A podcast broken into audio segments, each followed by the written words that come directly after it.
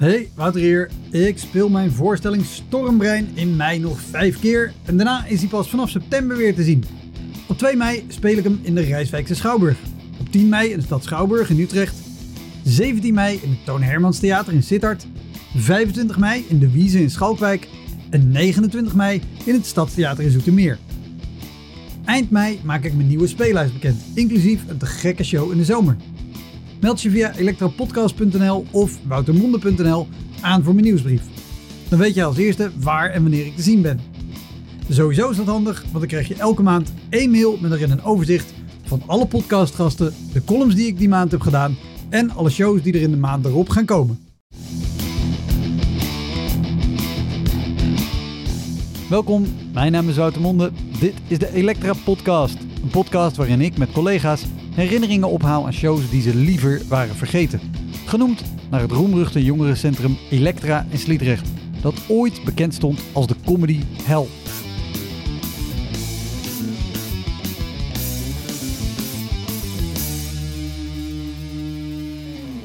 Dit keer is Ruud Smulders de gast.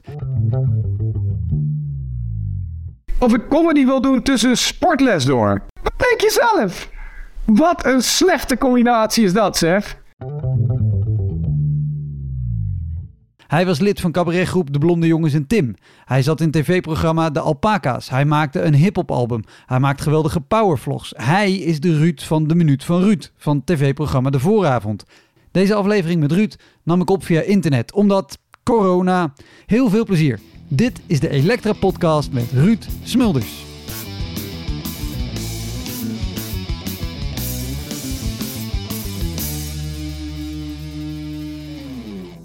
Volgens mij is dat de eerste keer dat ik jou ooit ontmoet en gezien heb. En ik mezelf daar ontzettend knullig over voelde. Wij speelden samen in Café Otis in Nijmegen. Ja. Dat is sowieso lang geleden, want inmiddels is die kroeg al lang en breed weer uh, dicht. Ja. Maar daar waren, uh, daar waren open mics. En uh, wij speelden daar ooit, we hadden elkaar nog nooit ontmoet. En ik, ik weet het, ik, ik had toen een grap en die had ik altijd een hele lange inleiding dat ik ging vragen of mensen met de auto waren. Want in de auto had je een radio en had je misschien een reclame gehoord. En sloeg helemaal nergens op. En het stomme was, ik vroeg uitgerekend aan jou of je een rijbewijs had of een, of een auto had. En was al een beetje... En toen bleek dus dat... Ik weet niet of je na mij was of twee na mij of zo. Maar toen bleek dus... Oh, die gozer speelt ook. Dat is echt heel erg knullig. Dat ik nu een andere comedian pak voor ja, publieksinteractie. Ja, maar dit was sowieso... Oh, dus was, ah, was, was een bizarre plek natuurlijk. dus ik weet precies waar ik stond. Uh, dus ja, ik ook. ja, dat extreme hoge gedeelte en dat lage gedeelte. Kan je even beschrijven hoe, hoe die kroeg eruit zag? Ja, dus, dus Otis heeft, heeft voor mij heeft sowieso echt een hele warme plek in mijn hart. Want daar, daar ben ik begonnen, zeg maar. Ja, uh, absoluut. En ik wist echt niet wat stand-up was. En de eigenaar, Roy Portijk, die, uh, die had voor een jazzcafeetje en die dacht, dat gaan we doen op de woensdag in Nijmegen. En, uh, en ik zei, dat is goed, dan ben ik er iedere woensdag bij. En uh, omdat ik er avond zo in ieder geval al die keren. En gewoon een vol nieuwe kwartier schrijven, wist ik veel. dus dan ben ik met, met terugwerkende kracht heb ik weer heel veel belachelijke dingen mogen doen. Um, maar dat café was super smal. Dus, dus uh, je had een, een, als je binnenkwam, een heel smal plekje met de bar. Dan ging er een trapje vier treden omhoog. En dan had je het tweede zitgedeelte. En daar stond de comedian. En als je vooruit keek, keek je tegen een muur. Daar kon niemand zitten. Als je links naar beneden keek, keek je dus op de hoofden van alle mensen die aan die bar hingen. En als je rechts uh, keek, zaten een paar mensen in langstoelen. Het had heel veel ingrediënten van een slecht optreden. en mensen, uh, als ze naar het toilet moesten, moeten ze over jouw vloer heen om daar te ja. komen. Ja, want die zat helemaal achterin aan het einde van het, van het zitgedeelte. Ja, ja, ja, ja. En als je het hebt over het heeft alles in zich voor slechte of qua slechte omstandigheden. Hoe was het licht in Café Otis? Ja, en niet. Nee, dat was gewoon licht. dus dat was iedere keer opnieuw. Hij had dan van die... Uh, en nogmaals, alleen maar liefde, want het werkte wel. Dat was ook top. Ja, ja, het was een hele leuke plek. Ja, dus de mensen die daar kwamen, het was zo'n ons kent ons nicherig plekje. Dat de mensen die daar kwamen wisten waar ze voor kwamen, wisten dat het eigenlijk niet kon. En, en dus wilden ze toch. Dus niets te nadelen voor Roy. Maar die had inderdaad, denk ik, van, uh, van, uh, van, daar, van, van de action. Ledlampjes. En die werden dan wel gedraaid, maar die gaven niet echt licht. Het slaat echt Nee. op. Oei, oei, oei, oei. Ik weet nog altijd, een vriend van mij... eh, ik, ik was dan altijd aan het pushen dat een vriend van mij ook stand-up zou doen. En eh, hij, ja, hij is heel grappig, maar dat wilde hij gewoon niet. En toen eh, had hij zich toch een keer ingeschreven voor de open mic, of voor de, een van die mics. En toen eh, kwam hij op, zei hij, ik hou het kort. En toen liep hij af. dat was...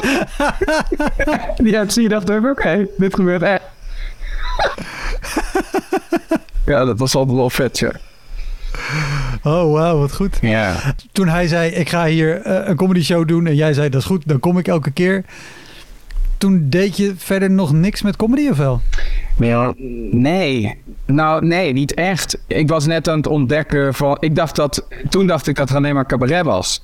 Dus dat je een, een, een, programma maakte van anderhalf uur en daarmee ging je toeren. Ik wist, ik kende dat hele industrietje nog niet. Dat er try-outs zijn en dat er dus ook zoiets is als stand-up.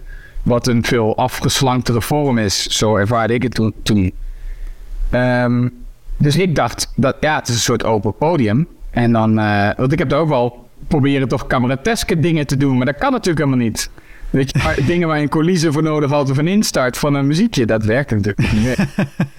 Eh, nee, dus toen ik begon, toen heb ik gewoon een, een programma gemaakt van anderhalf uur. Dat was mijn begin. Toen had ik een avondvullend programma en die heb ik toen gespeeld. een paar keer, gewoon op eigen kracht. En pas veel later ontdekte ik, oh, je kunt ook half uurtjes en twintig minuutjes. En Oh, en dus toen ik eenmaal in Utrecht kwam wonen en ontdekte... je kan eh, meedoen aan stand-up avond en dan krijg je acht minuten. Ik kwam van anderhalf uur. Ik dacht, what the fuck? Moet ik acht, hoe, hoe weinig wordt het? Bij de, bij, bij de comedy train ook zes. Ik zei, ja, ik klopt. Ik ben beter dan dat. Maar dat, natuurlijk, ik snapte helemaal niet dat je goed kon zijn in zes minuten. Dat snap, ik dacht, hè, het is het voor gek vorm. ja. waar speelde jij dan als beginner een, een voorstelling van anderhalf uur? Ja, bij mij in de buurt, dus in Nijmegen dan. En in het dorp waar ik geboren was. En in Arnhem studeerde ik toen. En gewoon allemaal, ik wist allemaal niet hoe dat werkte. Dus ik ging gewoon naar een theater toe. Of ik nodigde een, eh, een directeur uit. Ik wist ook niet dat, weet je, een programmeur. Ja, wil je dit? Ja, dat was wel een soort van goodwill en doe maar. Dus dat was, dat was een beetje het, het, het, eerste, het eerste jaar, denk ik. Ehm, en toen, toen heb ik nog een voorstelling gemaakt. Dus zo snel ging het ook. Zo van, nou, deze, hebben we niet, deze krijg ik niet meer eh, aan de straatsteden niet meer. en daarmee heb ik toen... ehm, eh, die was ook avondvullend. En eh, bedankt voor de koffie. En daar heb ik toen meegedaan een half uur variant aan Camarette. En dat voelde voor mij als een soort van... Ja, je ziet maar een derde nu. Maar, en daar kwam ik nog redelijk ver mee ook. Oh, wat goed. Ja, dus de En, hoe, start is echt helemaal andersom, ja. Maar, en hoe, hoe gingen die voorstellingen dan? Want als beginner heb je denk ik niet per se de ervaring, Ja. of laat staan het aangeboren talent om een goede voorstelling van anderhalf uur. Nee, zeker niet. Nee, ehm, ik denk dat die eerste voorstelling, zoals bij filmmakers, eh, was zoals een eerste voorstelling was. Een samenraapsel van alle ideeën die je de eerste twintig jaar van je leven hebt opgeschreven. Eh, en dat was echt een vriendendienst. Dat was echt, het publiek kwam erop af voor mensen. Ja, Ruud was altijd zo grappig. Dus die eerste is, is nou, als ik hem vijf keer heb gespeeld, is het veel. Maar toen heb ik alles Ja. gewoon weggeflikkerd. Zo van, ja, dit, dit programma heb ik nu gedaan. Ehm, en dat tweede avondvullend programma, ik moet daar wel zeggen, ik, ik studeerde toen al aan de toneelschool. Dus ik had wel degelijk de, Ah, de ja. know-how hoe ik anderhalf uur moest vullen. Alleen ik was niet bekend in het cabaret stand-up hoekje. Dus het was, het was, geen, eh, het was niet anderhalf uur eh, eh, van de hoogste plank. Want daar kom je, en dat leerde ik veel later pas, middels try-outen. Hoe materiaal ze fine-tuned. Dat, ik dacht, dat schrijf je gewoon en dat is daarna af. Ja, Maar dus dat, dat, kwam, maar dat kwam veel later, ja, dat daar eindeloos veel winst ligt. Ja, Ja, aan de andere kant denk ik dat het voor haast elke, nou, voor elke comedian, punt, eigenlijk best goed zou zijn om dus te zeggen, oké, weet je, alles wat je nu kan bedenken, eh, b- maak daar maar anderhalf uur van, speel dat vijf keer, flikker het dan weg en ga dan nieuwe dingen bedenken. Ja, ja, tuurlijk. Want, want, want eh, ik heb niet, in ieder geval niet dat, dat syndroom gehad van die eerste prachtige minuten. En hoe ga ik in godsnaam er nog acht schrijven? ik, had, ik, had, ik had al lak aan mijn eigen materiaal en toen moest ik nog beginnen. Ja, Ja, jij had die prachtige eerste 88 minuten. en een lampje wel. Een lampje op. Tegen de technicus zeggen. Geef maar, doe maar een lampje. Een lampje 88 kan 92 worden. Want dat laatste verhaal duurt twee minuten. Dus dan... eh, Nee, maar dat was helemaal, ja, tuurlijk was dat, ja, dat was gewoon niet, tuurlijk was dat niet goed, maar eh, ja, het was dat was. Ja, oké. dus je, je, je had die gedaan. En, en, de, en daarna, want dan, hoe, hoe gingen dan de shows op de plekken waar je dus maar acht of maar zes kreeg? Probeerde je krampachtig heel veel in, in die korte tijd? Wat ik me herinner is dus dat ik, bedankt voor de koffie, eh, dat was dus anderhalf uur. Toen kon ik meedoen aan kameretten.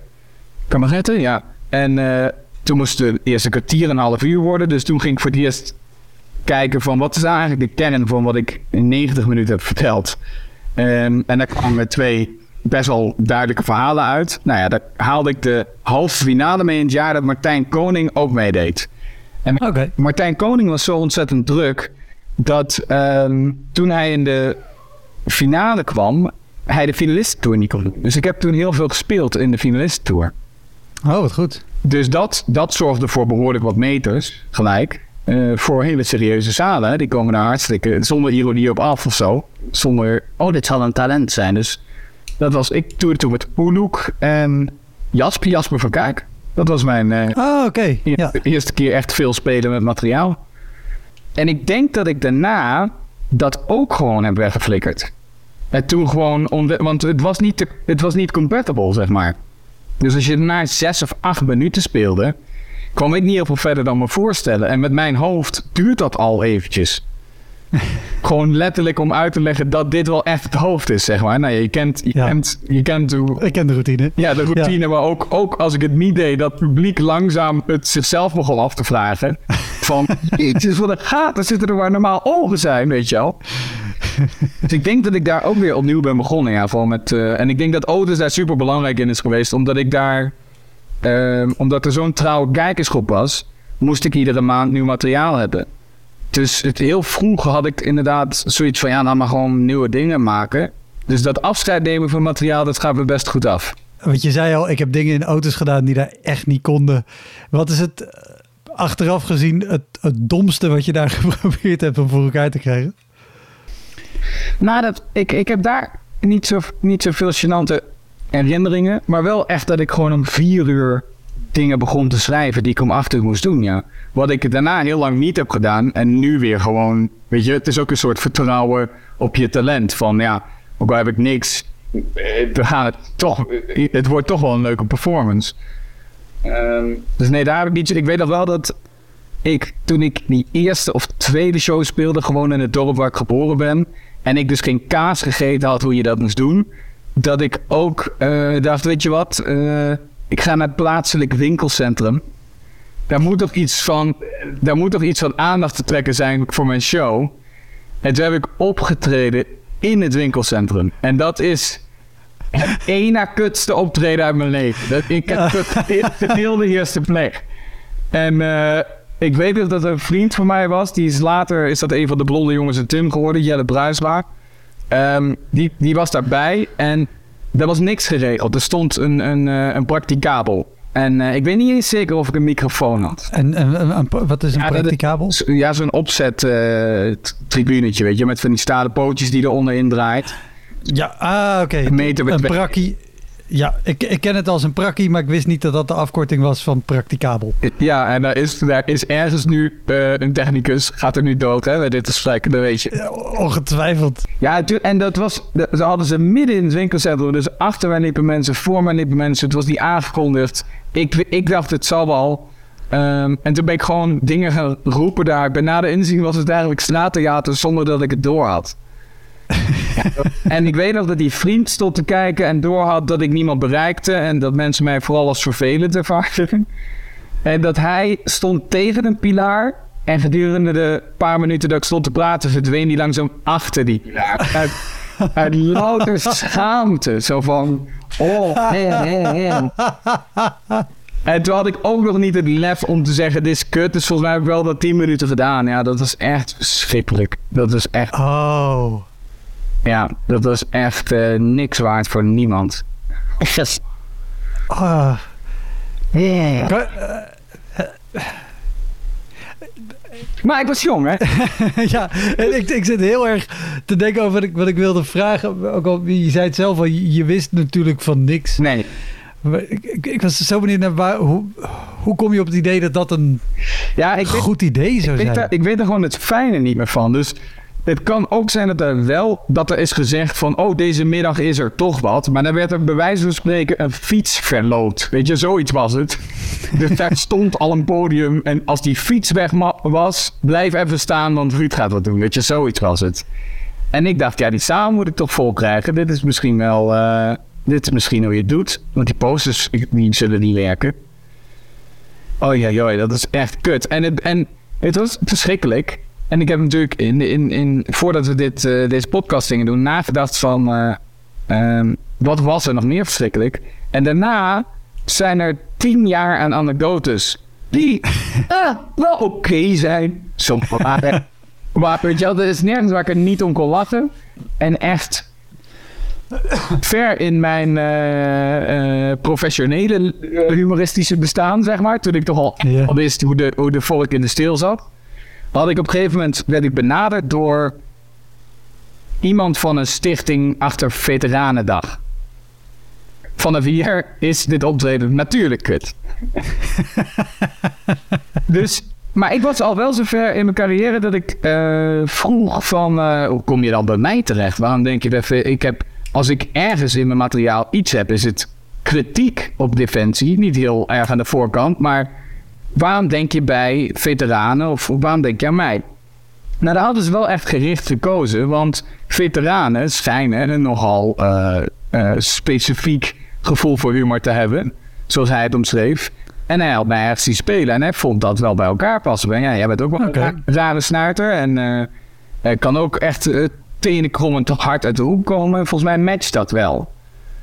Ik zei, oké, nou, dat, daar vertrouw ik je dan op. En wat, wat Ja, dat we zien. En- kan goed zijn, ja. ja. En dat was dan op Veteranendag. En dat was in Amersfoort in een bepaald monumentaal gebouw.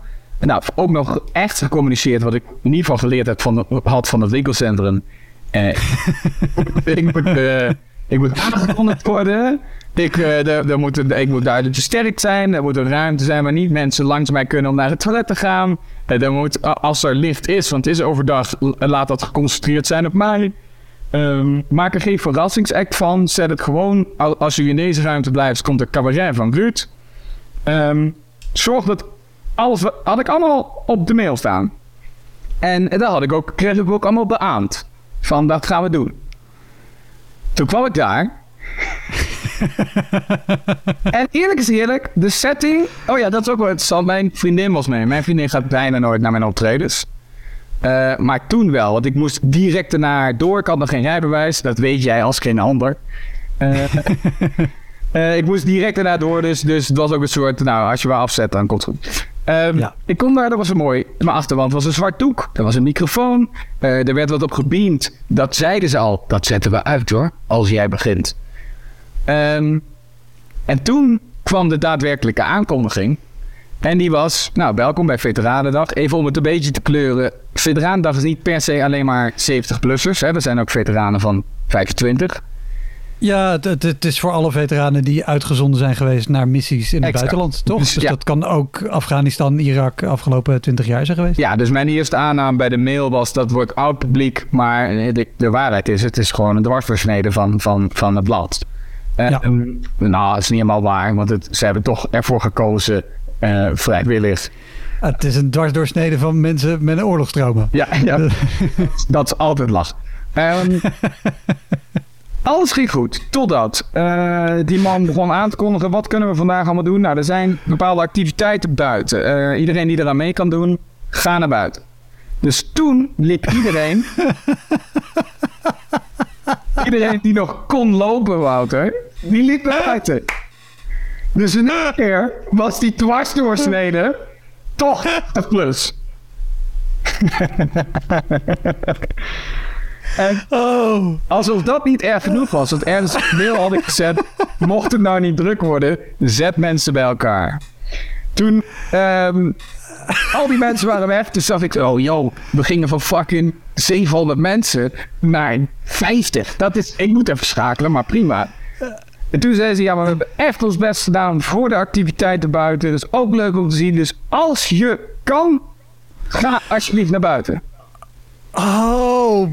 Dus toen gingen van die 50 mensen er nog eens 38 naar buiten. Toen bleven er 12 over in een hele grote aula. Ja, mijn, mijn wiskunde is niet zo heel goed, maar dat is minder dan 2% van waar je mee begon. Oef. En toen dacht die man, ja, maar er, er is gemaild door deze comedian dat mensen bij elkaar moeten zitten. En deze 12 zaten natuurlijk helemaal verspreid.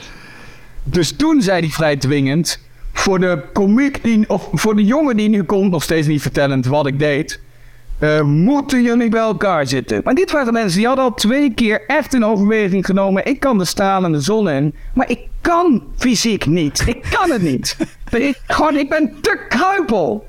En die mensen moesten onder het wachten van het geluid van een zingende microfoon toch bij elkaar gaan zitten. Ik zag de, de, de, de, de gewrichtspijn er vanaf spatten.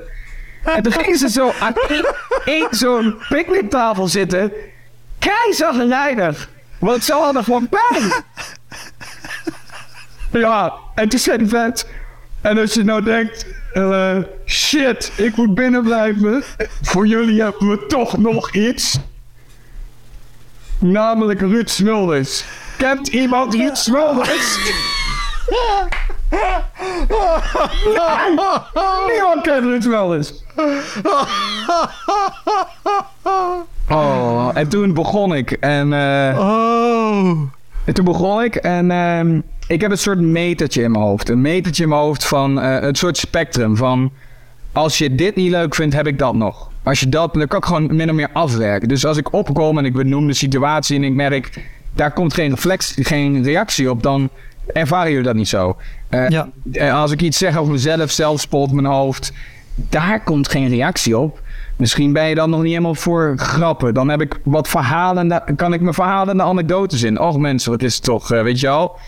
Daar Ja. kreeg ik niks op terug. En eh dan kan ik mijn absurde dingen in krijgen. Dus ik voelde zo dat, dat, dat spectrum. Ik dacht, ja, maar waar zitten jullie dan? En toen op een gegeven moment ging ik interactie aan.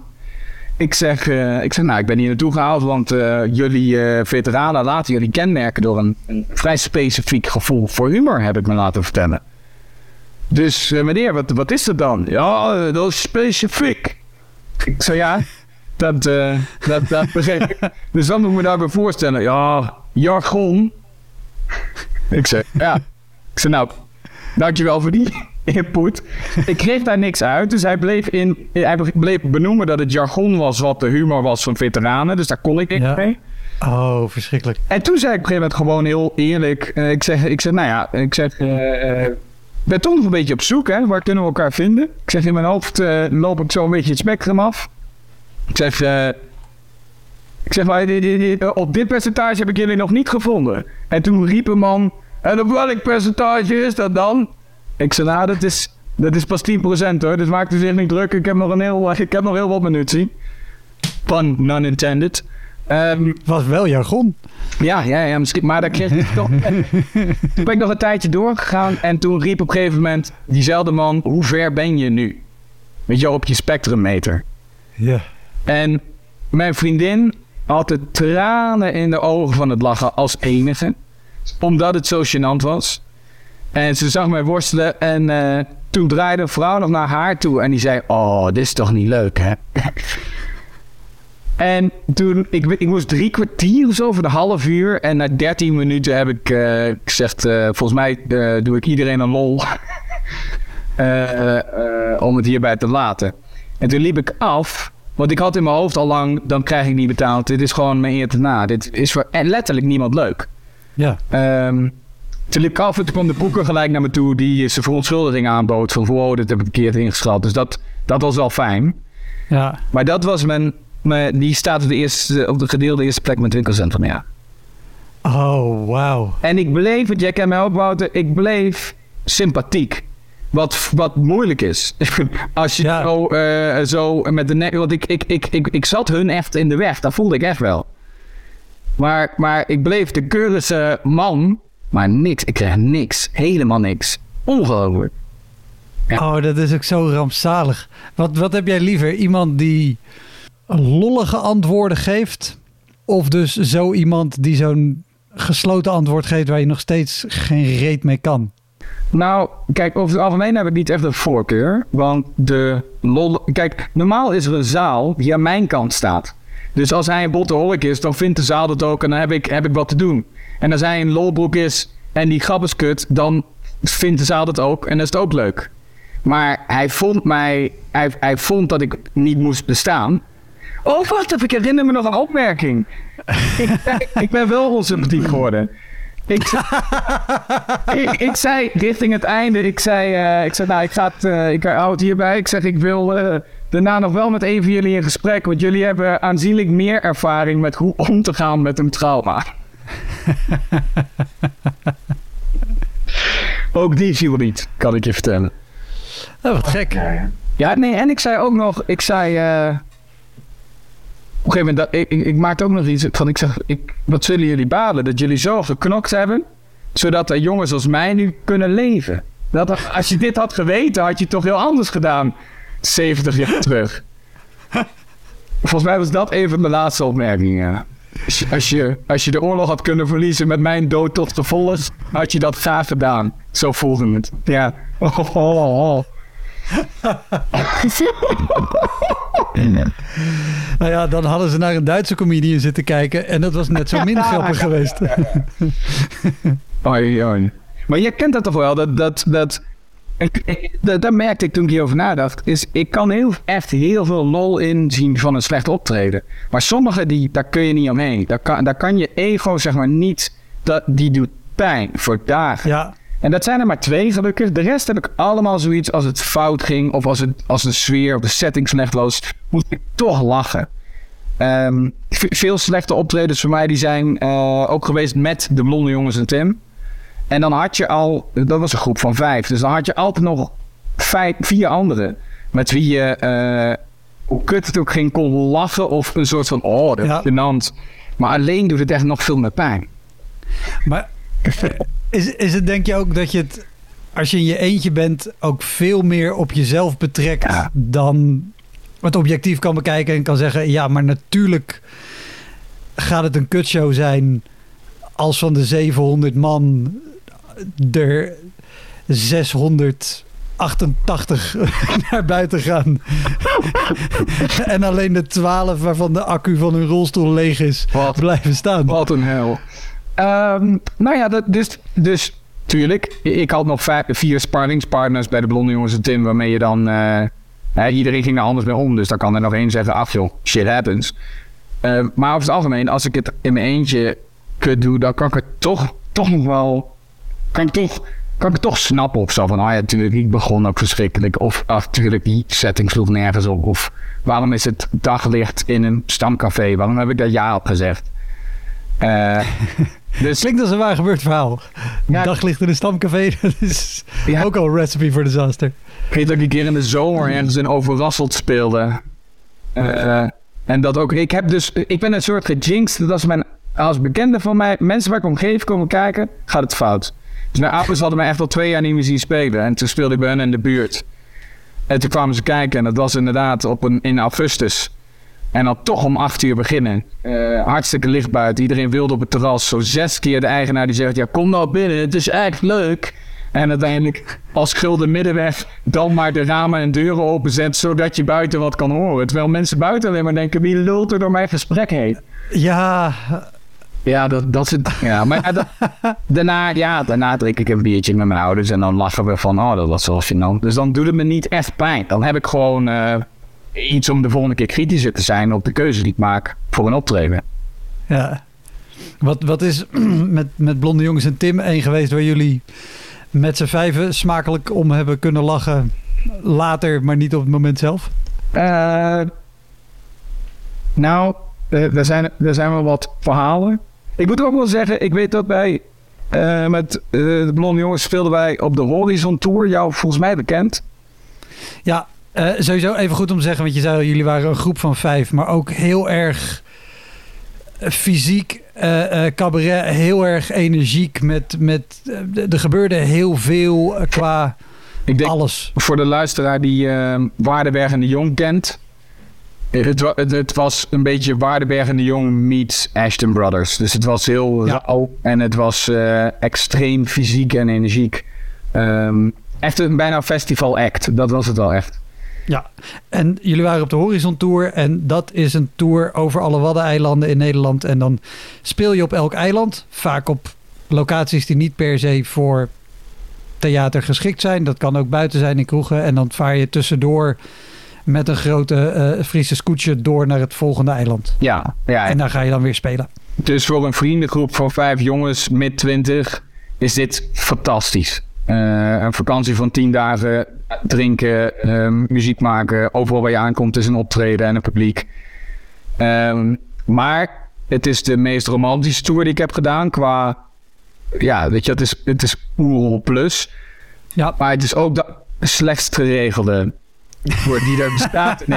Er is namelijk nu een, een, een, een, een, een, een, een 90% van jouw luisteraar, misschien wel 98%, zal de tour niet kennen. En dat zegt eigenlijk alles over de tour. Dus, dus ze zijn, Ja. het is gewoon niet zo goed geregeld.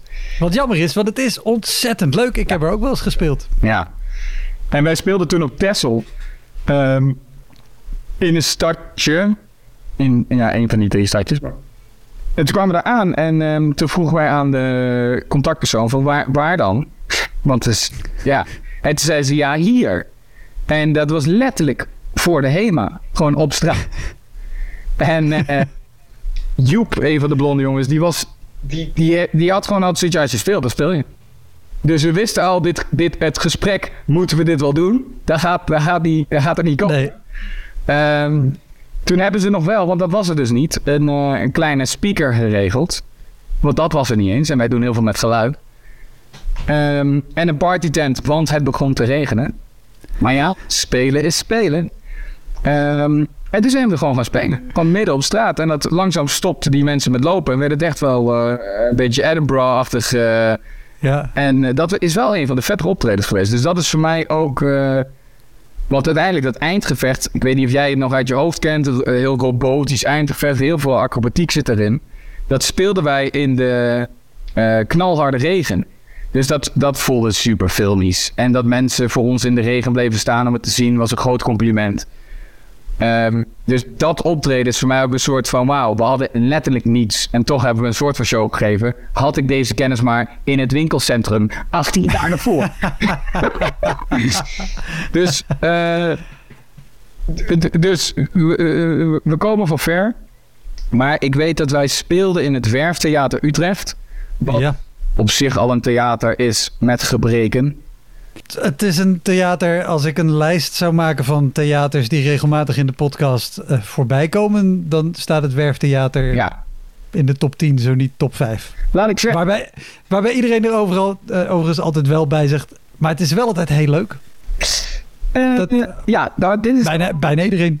Ja, ik heb, ik, ik heb daar vaak gespeeld. Dit is de keer dat het niet leuk was. En dat heeft 100% met ons te maken. Ehm, want het sloeg natuurlijk nergens op vijf mannen die op elkaars nek zitten in het werftheater waar je zelf met moeite kan staan. Dat is natuurlijk al. maar dat was ook wel weer leuk of zo. Maar wij hadden gerepeteerd dat hele weekend. En we waren op een gegeven moment hadden wij een soort scène ontwikkeld. En we waren er helemaal vol van. En het was een soort, nou ja, ik denk dat het. eh, nu zou je het niet meer zo snel spelen. Maar het was een soort slavenlied. Dat hadden we ontwikkeld. Ik kan het niet anders zeggen. Ik denk niet dat we toen dachten dat dat het was. Als ik er nu op terugkijk, dat was het. dus het was, we speelden een soort slavernij, cartoon, plukachtige scène na. Wat? Ik bedoel, daar hoef je geen kennisgeleerde voor te zijn om te zeggen... Ik weet niet of vijf witte mannen dat moeten doen. Dat weet ik niet. ik weet, ik weet alleen dat wij daarachter kwamen dat wij dat niet moesten doen.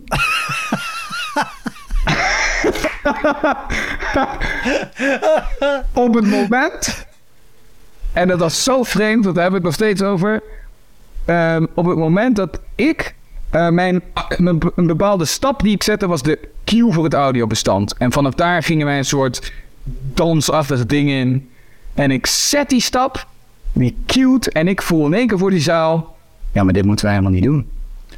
Dit, dit, dit, is, helemaal, dit is helemaal niet leuk. Het past er niet bij. Het is ook echt super onge- Het is ongepast, maar het past ook niet bij wat wij doen. Ja. En mee dat ik dat voel, voelen die vier anderen dat universeel ook. De- Maar dat audiobestand was al gestart. Precies. Dus toen moesten we. Voor, en, en eigenlijk ook niet, want ik zei het vandaag tegen een van de blonde jongens. En, en eh, die zei van. eh, we hadden gewoon kunnen stoppen. Hadden- je kan altijd stoppen. maar om een of andere reden kon het niet. Hoi, Wouter hier. Wist je dat er al meer dan 160 afleveringen van Elektra online staan? Dus het kan heel goed dat je net die aflevering hebt gemist met een comedian of cabaretier die jij echt helemaal te gek vindt. Op elektrapodcast.nl kan je makkelijk zoeken op de naam van de gast. En daar kan je ook heel makkelijk doneren of crewmember worden om mij te steunen bij het maken van deze podcast. Als je in je podcast of streaming app even klikt op abonneren of volgen, dat is gratis, krijg je elke week een melding als er een nieuwe aflevering klaar staat. Oké, snel weer terug. En er was ook nog, we waren ook nog in de voorrondes van ook festival. En ehm, dus we waren, onze regisseur was er. En ik begin aan die pas en we hadden gewoon alle vijf zoiets. Kut. Nee, ik wil nu, ik wil deze scène uit. Eh, en zo keek, en dat zag, dat, we keken elkaar ook aan en, en, en, en je zag in elkaars ogen van, oh, oh, oh, dit is echt niet goed. En die zaal deed er niks mee. We hebben, het is niet, de voorstelling is er niet van kapot gegaan. Veel mensen zeiden, ah, dat begin was echt leuk. Weet je wel, zo van, we gaan het wel niet hebben over die scène. Ja, Onze regisseur zei letterlijk nog voordat hij iets anders zei... Alles wat jullie ooit leuk maakten, zijn jullie kwijt. Dat waren zijn woorden. Dat was een goeie om een nieuwe repetitie mee in te gaan. ja dat, is, dat geeft lekker eh, vertrouwen. Maar dat was zo vreemd. Dat we dat alle vijf beseften van dit, dit is helemaal kut, ja. Maar goed, toch, ja, het pu- publiek in de, in, de, in de bravoure van de rest van de act vergaat dus die scène een beetje gelukkig. Oh. Heb je het ook wel eens gewoon in, in je stand-up gehad dat je een bit ingegaan bent en al na drie zinnen dacht, eh, Ja, ja, ja. Ja, ik, ik weet niet of jij mijn stuk kent over schelden met kanker en überhaupt kanker. ja, Dat is echt zo'n stuk dat werkt nu eigenlijk ongeacht waar ik sta. Maar daar ben ik alleen maar gekomen door eh, er heel vaak niet te zijn. En ik bleef maar geloven in dat stuk. Maar dat, dat, eh, daar sloeg ik wel echt vaak de plank mis, jongen. En dat voelde je soms al bij zin 1. Er zit op een gegeven moment dan die opmerking in. Even denk ik, het begint ergens met... eh, ik ben een vriendin verloren. Nou, dan voel je altijd al... Oh, het gaat misschien ergens naartoe. Aan, eh aan Toblerone. in de lockdown. Ja, kijk, het was natuurlijk geen Toblerone, maar kanker ligt zo gevoelig. Dat is gezin altijd. en nu weet ik, daar valt altijd een pol. En hoe langer ik wacht, hoe meer de schaamte ligt bij het publiek van... Oh, ik voel me ongemakkelijk. En niet ik. Maar daar kwam ik alleen maar door... Ik heb zo vaak dat ik dat ongemak voelde en dacht... Bla bla bla bla, snel eroverheen lullen. En dan- daar, daar kon je helemaal niks van mee. Dus je moest die verantwoordelijkheid helemaal bij je publiek neerleggen. Zo van, ja, ah, en daarna kon ik in alle rust zeggen: Ja, vind, vind je het lastig dat ik het erover heb? Het is niet dat hoe vaker je het woord hoort, hoe eerder je het krijgt. Eh, meisjes die Mercedes eten, die, eh, die krijgen meestal gewoon een Kia en een uitkering. Dus zo, dat is niet de kracht van taal. Ehm, maar dat risico nemen om met z'n allen ongemakkelijk te zijn, dat heb ik, eh, daar heb ik vaak eh, niet aangedurfd, waardoor de show kapot ging. Ja. Niet? En is het, dan, is het dan, als je te snel dan doorgaat, dat het, dat het voor het publiek dan wordt... Oh, je gaat nu snel door en je gaat op de lach af. En je, je wil nu alleen maar lollig doen over een heel pijnlijk onderwerp... wat voor heel veel mensen eh, hele nare herinneringen op. Exact. De, ja, dat is precies wat het is. Mensen voelden dan dat ik ging hollen om die lach terug te krijgen. Terwijl ja, het, ja het, ik, het, was nooit bedoeld voor een lach. Dus waarom zit ik daarop te wachten? Ja, Het was louter en alleen heel ongemakkelijk. En, en je voelde altijd dat er zo 1% van de zaal waren mensen zoals ik... die daar niks anders mee konden dan om lachen... en zich ook kapot schaamden dat ze dat deden. Dat was ook altijd spannend. ik was ook... maar die konden dan echt niks mee. Want het was ook in mijn materiaal is het echt een kantelpunt. Dus ik- mijn materiaal is redelijk absurd. En dan was het denk zo eh, hard dat mensen, eh, daar, daar kantelde heel veel, zeg maar. Van, en een, een taboe onderwerp. En schijnbaar eh, gaat hij dit, gaat hij ook dit doen. Ja, dan als ik, als ik er te snel mee was, dan, dan was ik bang voor in een optiek. En dan had ik er nooit over moeten beginnen. Ik denk dat dat het gevoel is van het publiek. Ja. Grappig hoe dat werkt. Is, wat, wat, wat, wat, is de, de pijnlijkste, het pijnlijkste moment dat dat op heeft geleverd? Is, is, er, is er één... Je zou er zijn meerdere shows geweest waarop dat heel pijnlijk werd, maar... Ja, ik heb daar. Ik, ja, ik weet. ook omdat ik hem echt al. eh, ik heb hem daarna. Ik, ik speel hem al heel lang wel eh, kloppend. Dus ik, weet dat ook niet meer zo goed. Ik vind het nu het stuk waar ik echt naar uitkijk. Van, oh, nu, nu ga ik die zaal even door elkaar schudden, jongen. Ehm, het is ook zo'n ding. eh, ik, ik vergelijk optreden altijd een beetje met. Ik skateboard al heel lang, hè. Mhm. Het is ook de hoeveelheid moeite die je stopt om in een, in een relatief simpele truc, die er simpel uitziet. Dus, dus het kost je gewoon meer dan een jaar om een kickflip te leren. Ehm, ik, ik, ik- het heeft mij zo lang gekost om dit stuk te laten werken. Eh, dus de voldoening van dat hij nu altijd werkt is zo groot dat ik echt Ja. vergeten eh, hoe, die, hoe dat kut ging. Ik weet nog wel bij de blog. bij de bl- blonde jongens Tim.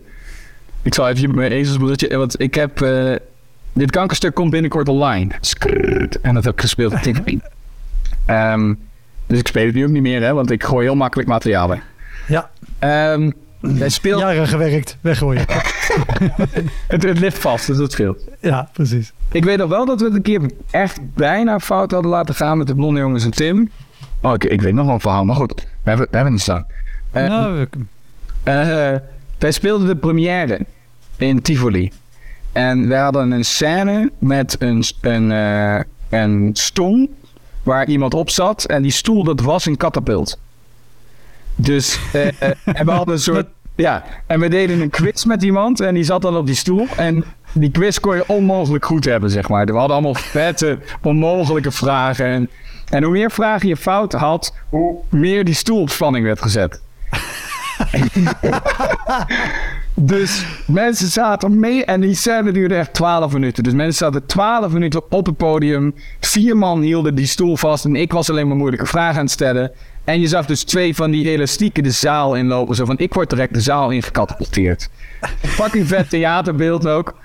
Ehm, heel erg gaaf, ja. en de praktijk was dat zij uiteindelijk ehm, mee naar achter werd genomen. En dat iedereen zoiets dacht van, eh, ja, ja, dus die natuurlijk werkt die stoel niet. Maar dan hadden wij de stoel wel zo gemaakt dat wij het zitgedeelte toch weg konden schieten. Maar die was dan verzekerd aan, eh, aan het geraamte wat daarachter zat. Ja, Als zij wegliep, schoot die stoel toch echt het publiek in. Dus het publiek schrok zich helemaal rot. oh, wat goed. Ja, en dan. ehm, en wij speelden ook allemaal alsof dat er niet bij hoorde. En van nou, dan gaan we door met de volgende scène. En dan pam, schoot die stoel. Ehm, en wij probeerden dat wel met die zekering zo af te meten dat het, het, het spannend was om als je er zat. Eh, ehm, ja, maar niet. Je wil daarin geen risico nemen, want dat ding Nee. schoot fucking hard. Het stond echt onder spanning. En eh, toen hadden we de première. Ja, je voelt al helemaal waar dit naartoe gaat. Wel, de première in Tivoli. En we hebben dit altijd van tevoren getest. En ieder theater, weet je al, in, in Bussemersloot en Kuttemmerdam... Die vonden een mooi spul van ja, normaal staat hier alleen iemand met een microfoon. Ja, trouwens, al mijn typetjes klinken nu als deze maar er wordt aan gewerkt. Ehm, maar Tivoli, het nieuwe Tivoli is, heeft natuurlijk niks van het vorige Tivoli. Dat is één groot bureaucratisch ding. Ik Ja. wij daar onze eigen promo niet eens mochten opnemen, want dan hadden we in viervoud moeten aanvragen. Terwijl we daar speelden. En dat je denkt, het is toch ook een jaar lang. Maar goed. Ja. Dus wij wisten, die stoel gaat er no way doorheen komen. Want ook ik vind hem arbo-technisch niet verantwoord. dat kan gewoon niet. Eh, maar het is een belangrijke climax van een scène. Dus er zit maar één ding op. En dat is net na het avondeten. Die dingen bevestigen. Er niemand over praten. en het maar doen. Eh, en het cliché is waar. Eh, We hadden de zekering niet goed ingeschat. We hadden, we hadden te veel gerekend. En de scène is daar, we spelen de première. En dit is zo bijzonder, bizar, en bijzonder misschien ook wel. Die stoel, stoel schiet. En ik denk dat het een kwestie is van 10 centimeter voor iemands hoofd dat hij stopte. En vanuit de diepte van het podium zie je dat niet, want die stoel moest iets van 6 meter afleggen. Als die man naar voren had gezeten, op, op zijn schoen had, die was, die, was zijn, die was zijn neus, die, was, die had iets verbrijzeld op zijn schedel. Ja. Met zekerheid zeggen. Die stoel schiet, die slaat dus daar tegen die zekering aan. Wij, en de, de milliseconde dat dat gebeurt, daar is een foto gemaakt van ons. En er is een Wat goed. foto van ons vier achter die stoel. En we speelden ook met band, dus we stonden met z'n achter op het podium. En je ziet de doodsangst van acht mensen. En je ziet ook acht verschillende profielen van, oh ja, Ut heeft het echt opgegeven. Iemand anders is nog bang voor het slachtoffer. Iemand anders wou dat hij niet bestond. Het is zo interessant. Maar die foto is er, ja. Ik moet die eens een keer groot uitdrukken. Dat is gewoon, we hebben vastgelegd dat, het nog, dat de munt nog op zijn zij stond, zeg maar. Oh, wat goed. Ja, en hij had niks. En ehm, de zaal dacht, wauw, zij nemen echt risico. Dus die vergaf het ons. Ja. Eh, we speelden, bogen af, gingen af. Toen kwam ons impresariaat naar ons toe, champagne. Jongens, gefeliciteerd.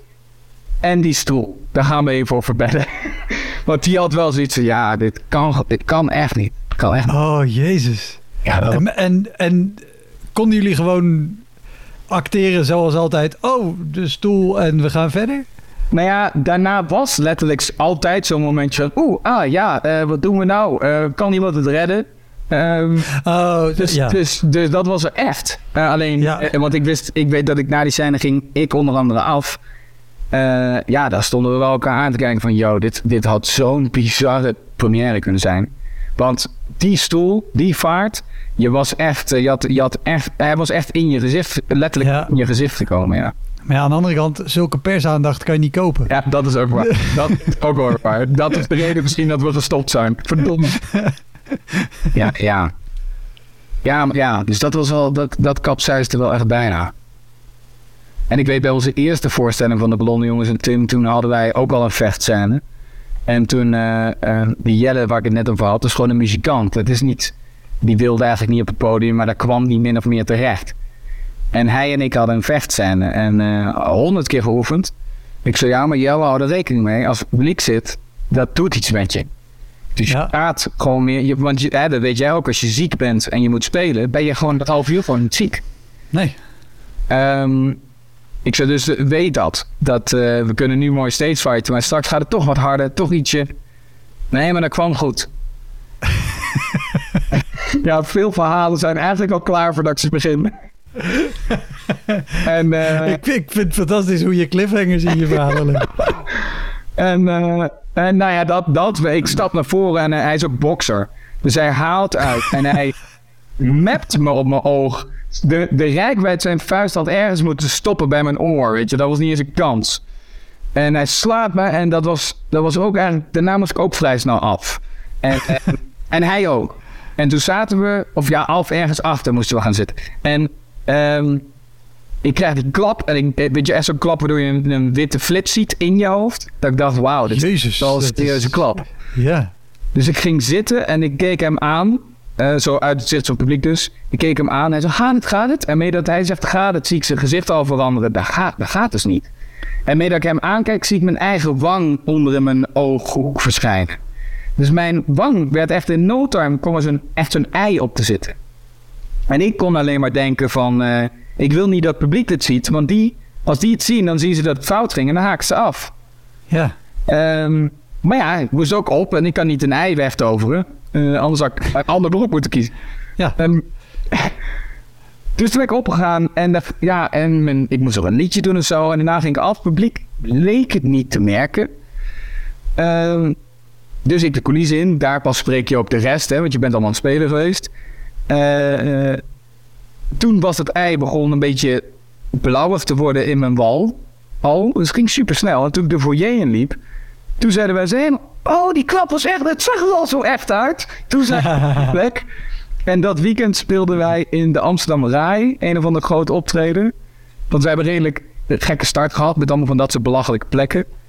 Ehm, toen was mijn oog zwart, echt pikzwart. En het was uit gaan zakken. Dus mijn oog was zwart tot aan mijn kaak, zo'n zwarte pies. Oh jee. Ehm, en die persfoto's, omdat het zo'n groot festival was, die, daar hebben we wel echt lang mee gedaan. dat iemand altijd vroeg van... Hier komt die act nou dat die gast het andere oog heeft. Maar dat is... Dat hoorde... ja, kansloos. Oh, wat, wat, wat is de raarste plek waar jullie hebben gestaan? Of jij solo, als dat niet al de supermarkt was? Ja, ik denk dus wel die straat op Texel waar echt niks was. Omdat, het, ja, omdat er niks was. Solo, ja, ik, ik heb gewoon een enorme hekel aan dinnershows. Dan kom je toch eigenlijk altijd wel op de verschrikkelijkste plekken. Dat zijn toch dorpen waar dan zo'n restaurant zit waar je saté, biefstuk kan bestellen. Punt. Je beschrijft nu perfect het enige restaurant in het dorp waar ik woon. Ja? ja. Helemaal, helemaal mooi nieuw verbouwd. Wij dachten leuk, er komt eindelijk een restaurant in plaats van gewoon de shawarma afhaal en de pizza. En toen ging het open en toen bleek het ook nog... Bij het restaurant in zit ook de snackbar. Dat hebben ze niet gescheiden. Dus als je zit te eten in het, in het belendende hok... komen mensen alsnog hun patat afhalen. En de kaart is dus inderdaad saté, biefstuk... en voor de vegetariërs een gevulde portobello of gebakken brie. Het is eh, Dat vind ik... ik, wij speelden, welkom in 1992.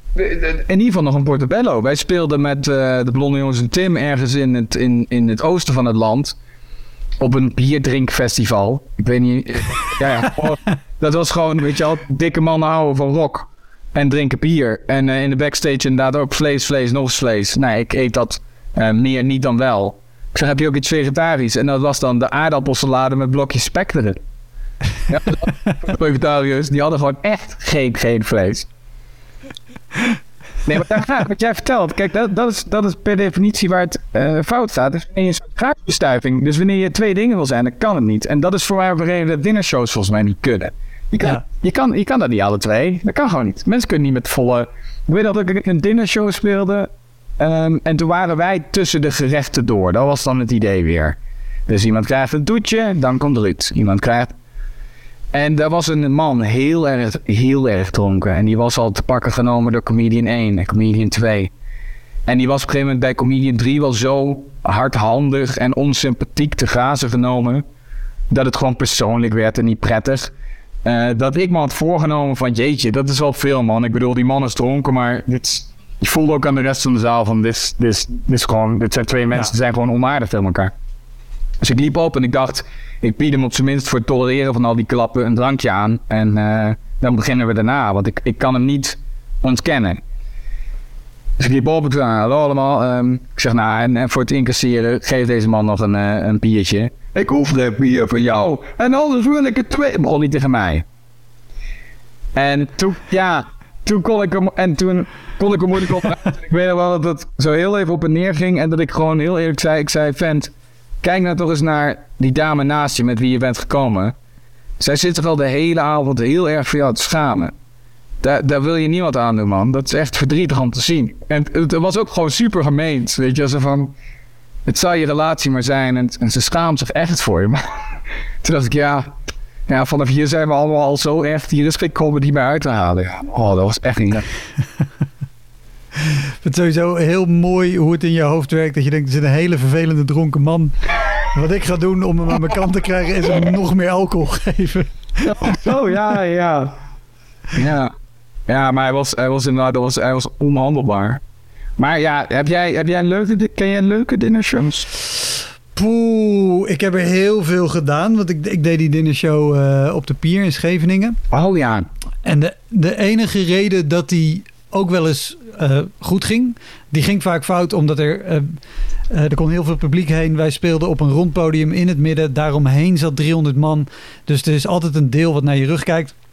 Dat maakt het heel lastig. En heel veel mensen kwamen daar met goedkope tickets of met een bedrijf. Of in ieder geval een reden om niet per se alleen voor de comedy te komen. En dat maakt het zo lastig. Want mensen komen ook voor het eten. Ja. Het enige wat daar heel goed geregeld was, was dat het eh, organisatorisch heel strak was. Dus de laatste borden waren opgehaald, de laatste lege borden. En binnen vijf seconden dat die borden de deur naar de keuken ingingen, stond de MC op het podium. En die kondigde de volgende act aan. En als die act klaar was, dan kwam binnen een halve minuut of een minuut op de goede avonden het eten naar buiten. Dus dat was heel strikt gescheiden. Maar ik heb daar ook verschrikkelijke avonden gehad. En als ik als iemand vraagt, we doen een dinnershow, kom je spelen?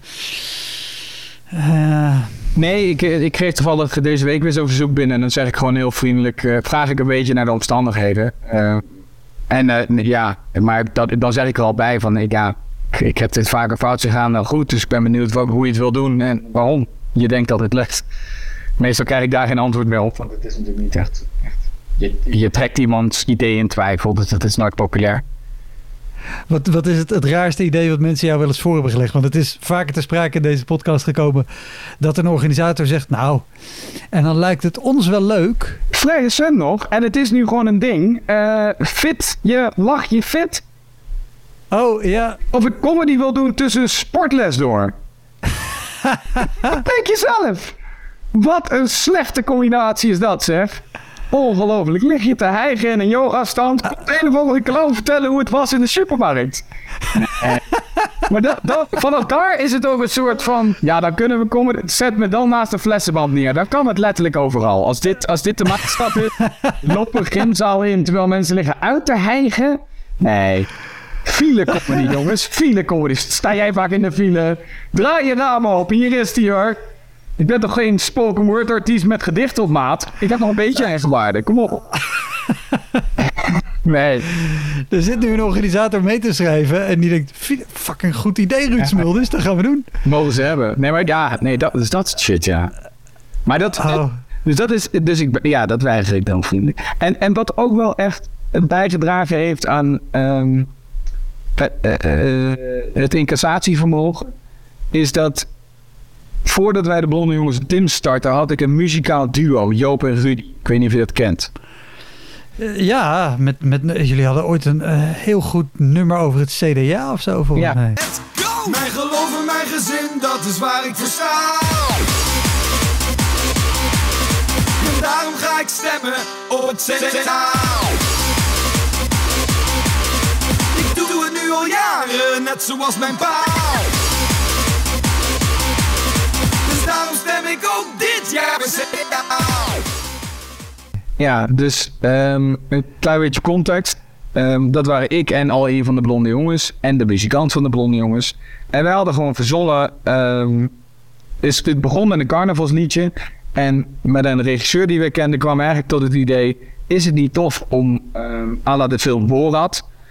ehm, dit duo gewoon echt op plekken neer te zetten... maar dan proberen het zo kut mogelijk te laten gaan. Dus de gimmick van, van dit duo was... hoe kan je iets zo naar mogelijk doen? Eh, redelijk apart, eh, maar ik weet niet, nu ben ik dat reisprogramma aan het doen, Reizen de Pijzen. En dat is eigenlijk dezelfde formule. Twee mensen gaan nergens naartoe om het te laten mislukken. Ehm, dus als dat je doel is, eh, dan leer je daar wel beter mee omgaan. En wij, eh, wij waren dus een Nederlandstalig duo, een beetje in dat C-segment van zanger, pop en weet je, dat soort figuren. Ja. Dan net met hun telefoon en die zingen allemaal vals. En dat is echt een super interessante wereld. Want er zijn allemaal chakeraars die zeggen een platenlabel te zijn. Maar als je dan met ze mee naar buiten loopt, doen ze een achterbak open. En dan verkopen ze ook nog potten sham. En ik, ik heb nog ergens een rollator gevonden. Kan je er wat mee? Echt dat. het was echt een sociaal experiment en top. En we, gingen dat, we werden op een gegeven moment echt geboekt. We, we hebben na onze eerste single kregen we een platencontract. En we, kregen, we kwamen bij een label terecht. En ook met allemaal van dat soort echte figuren. Oh, wat goed. Ja, dus wij ook tegen die label-eigenaar gezegd van... wij zijn in principe gewoon twee weldenkende mensen... die dit doen om het te verkloten. Dat is de grap. Ehm, dus wij zijn niet, wij ambiëren geen muzikale carrière. Wij ambiëren het, het, het laten falen van dit. En dat beeldmateriaal, dat vinden we vet. Vond hij allemaal goed? Vond hij, ah, maakt niet uit. Zet maar neer.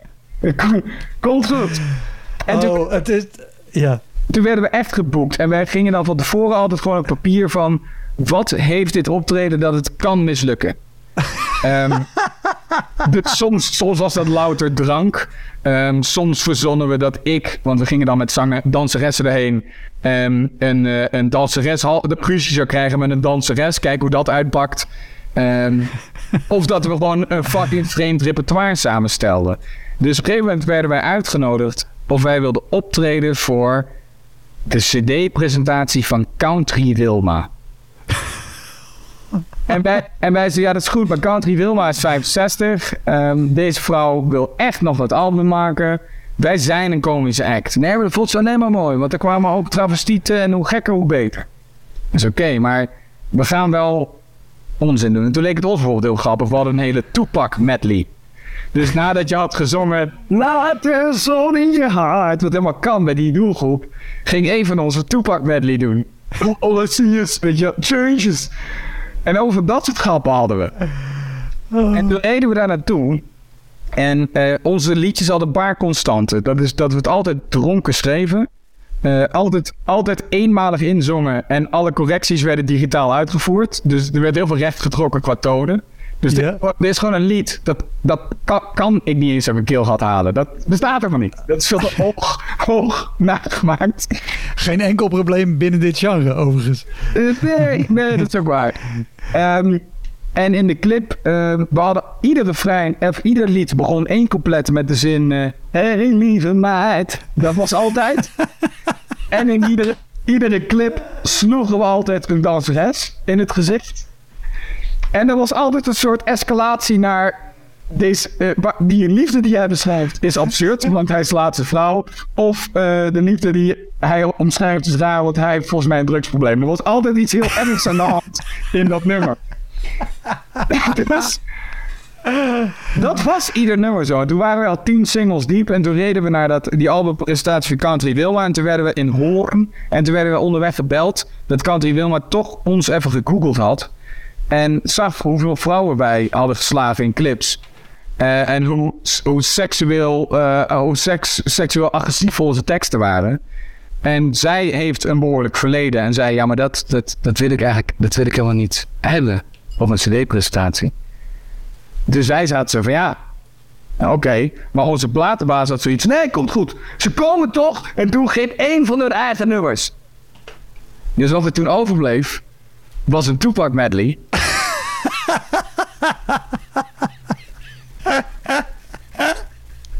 een, nummer van de, nummer van Backstreet Boys.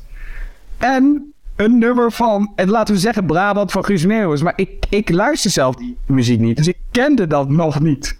Meestal luister ik dat wel twee keer van tevoren. En als iets eh, is, eh, aan de hand is bij deze doelgroep, is dat zij het perfect kennen. En als jij, Ja. als jij het zegt in plaats van een, dan pakken ze je erop van, jij kent het nummer niet. Dus wij openen met Brabant. En ik wist er geen zak van. Dus toen zag ik gewoon die hele kroeg, stamkroeg aan boze mensen die kwamen van Country Dilma om te haten. En, eh, en toen gingen we al langzaam zingend achter de bar staan, omdat het gewoon onveilig aanvoelde. en toen begon eh, I Want It That Way van Backstreet Boys. En ja, ik haalde die, die hoogte ook niet op. En toen, toen werd die muziek halverwege uitgezet. En toen werden we echt naar buiten geduwd. Van je hebt, je hebt iets heel leuks kapot gemaakt nu. En dat was voor het beeldmateriaal fantastisch. Maar ergens, ergens zit er ook gewoon een, een echt persoon in mij die dan denkt: ja, maar wa- waarom, waarom hebben wij Country Wilma niet beschermd voor zichzelf, weet je wel? Maar toen stonden we buiten, weggekeken, weggeduwd. En toen dachten we: ja, kijk, Ruud Smulders en Joep van de Boogaard, die willen naar huis toe. Maar Joop en Rudy, die hebben nog drie consumptiebonnen. Dus toen zijn we toch nog terug naar binnen gegaan met de cameraploeg. Nou, die beelden, Wouter, dat is... Daarvoor heb ik gestaan op deze aarde, hoor. Potverdikkie. dus dat heeft mij Diego wel een soort eh, wegwerpbaar gemaakt toen we dat project deden, ja. Dat, daar zijn, en dit is echt tipje van ijsberg. Ik kom nog een keer langs met Joop anders. Oh ja, graag. Desnoods maken we een bonusaflevering. Vind ik ook goed. Oh, wat goed. Dus dat doen we altijd wel de, de schoonheid van de tragiek inzien als iets helemaal faalt. Ja. Dan denk ik, ja, maar ergens, er, er komt een dag dat ik hier om lach. Oh, top man. Dankjewel. Dat was hem, de Elektra Podcast. Meer informatie over mijn gast van vandaag en linkjes naar van alles en nog wat vind je in de omschrijving van deze aflevering. Er staan ongelooflijk veel afleveringen online van Elektra. En op elektrapodcast.nl kan je makkelijk zoeken op de naam van jouw favoriete comedians en cabaretiers.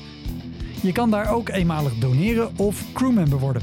Als crewmember betaal je maandelijks een klein bedrag, maar dan krijg je ook nog eens bonusmateriaal. Je luistert voortaan zonder onderbrekingen en je krijgt consumptiebonnen die je kan inleveren bij een show van mij. Ik vind het sowieso te gek als je een keer komt kijken bij mij. Dus ga naar woutermonde.nl, daar zie je precies waar en wanneer ik optreed. Of meld je aan voor de nieuwsbrief, dan hou ik je op die manier op de hoogte. En dan nog iets, elke vrijdagmorgen doe ik een column op radiostation Kink. Je kan die column terugluisteren als podcast. Hij heet Kink op de Week en je vindt hem in de app waar je ook deze podcast luistert. Oké, tot de volgende Elektra. Hoi!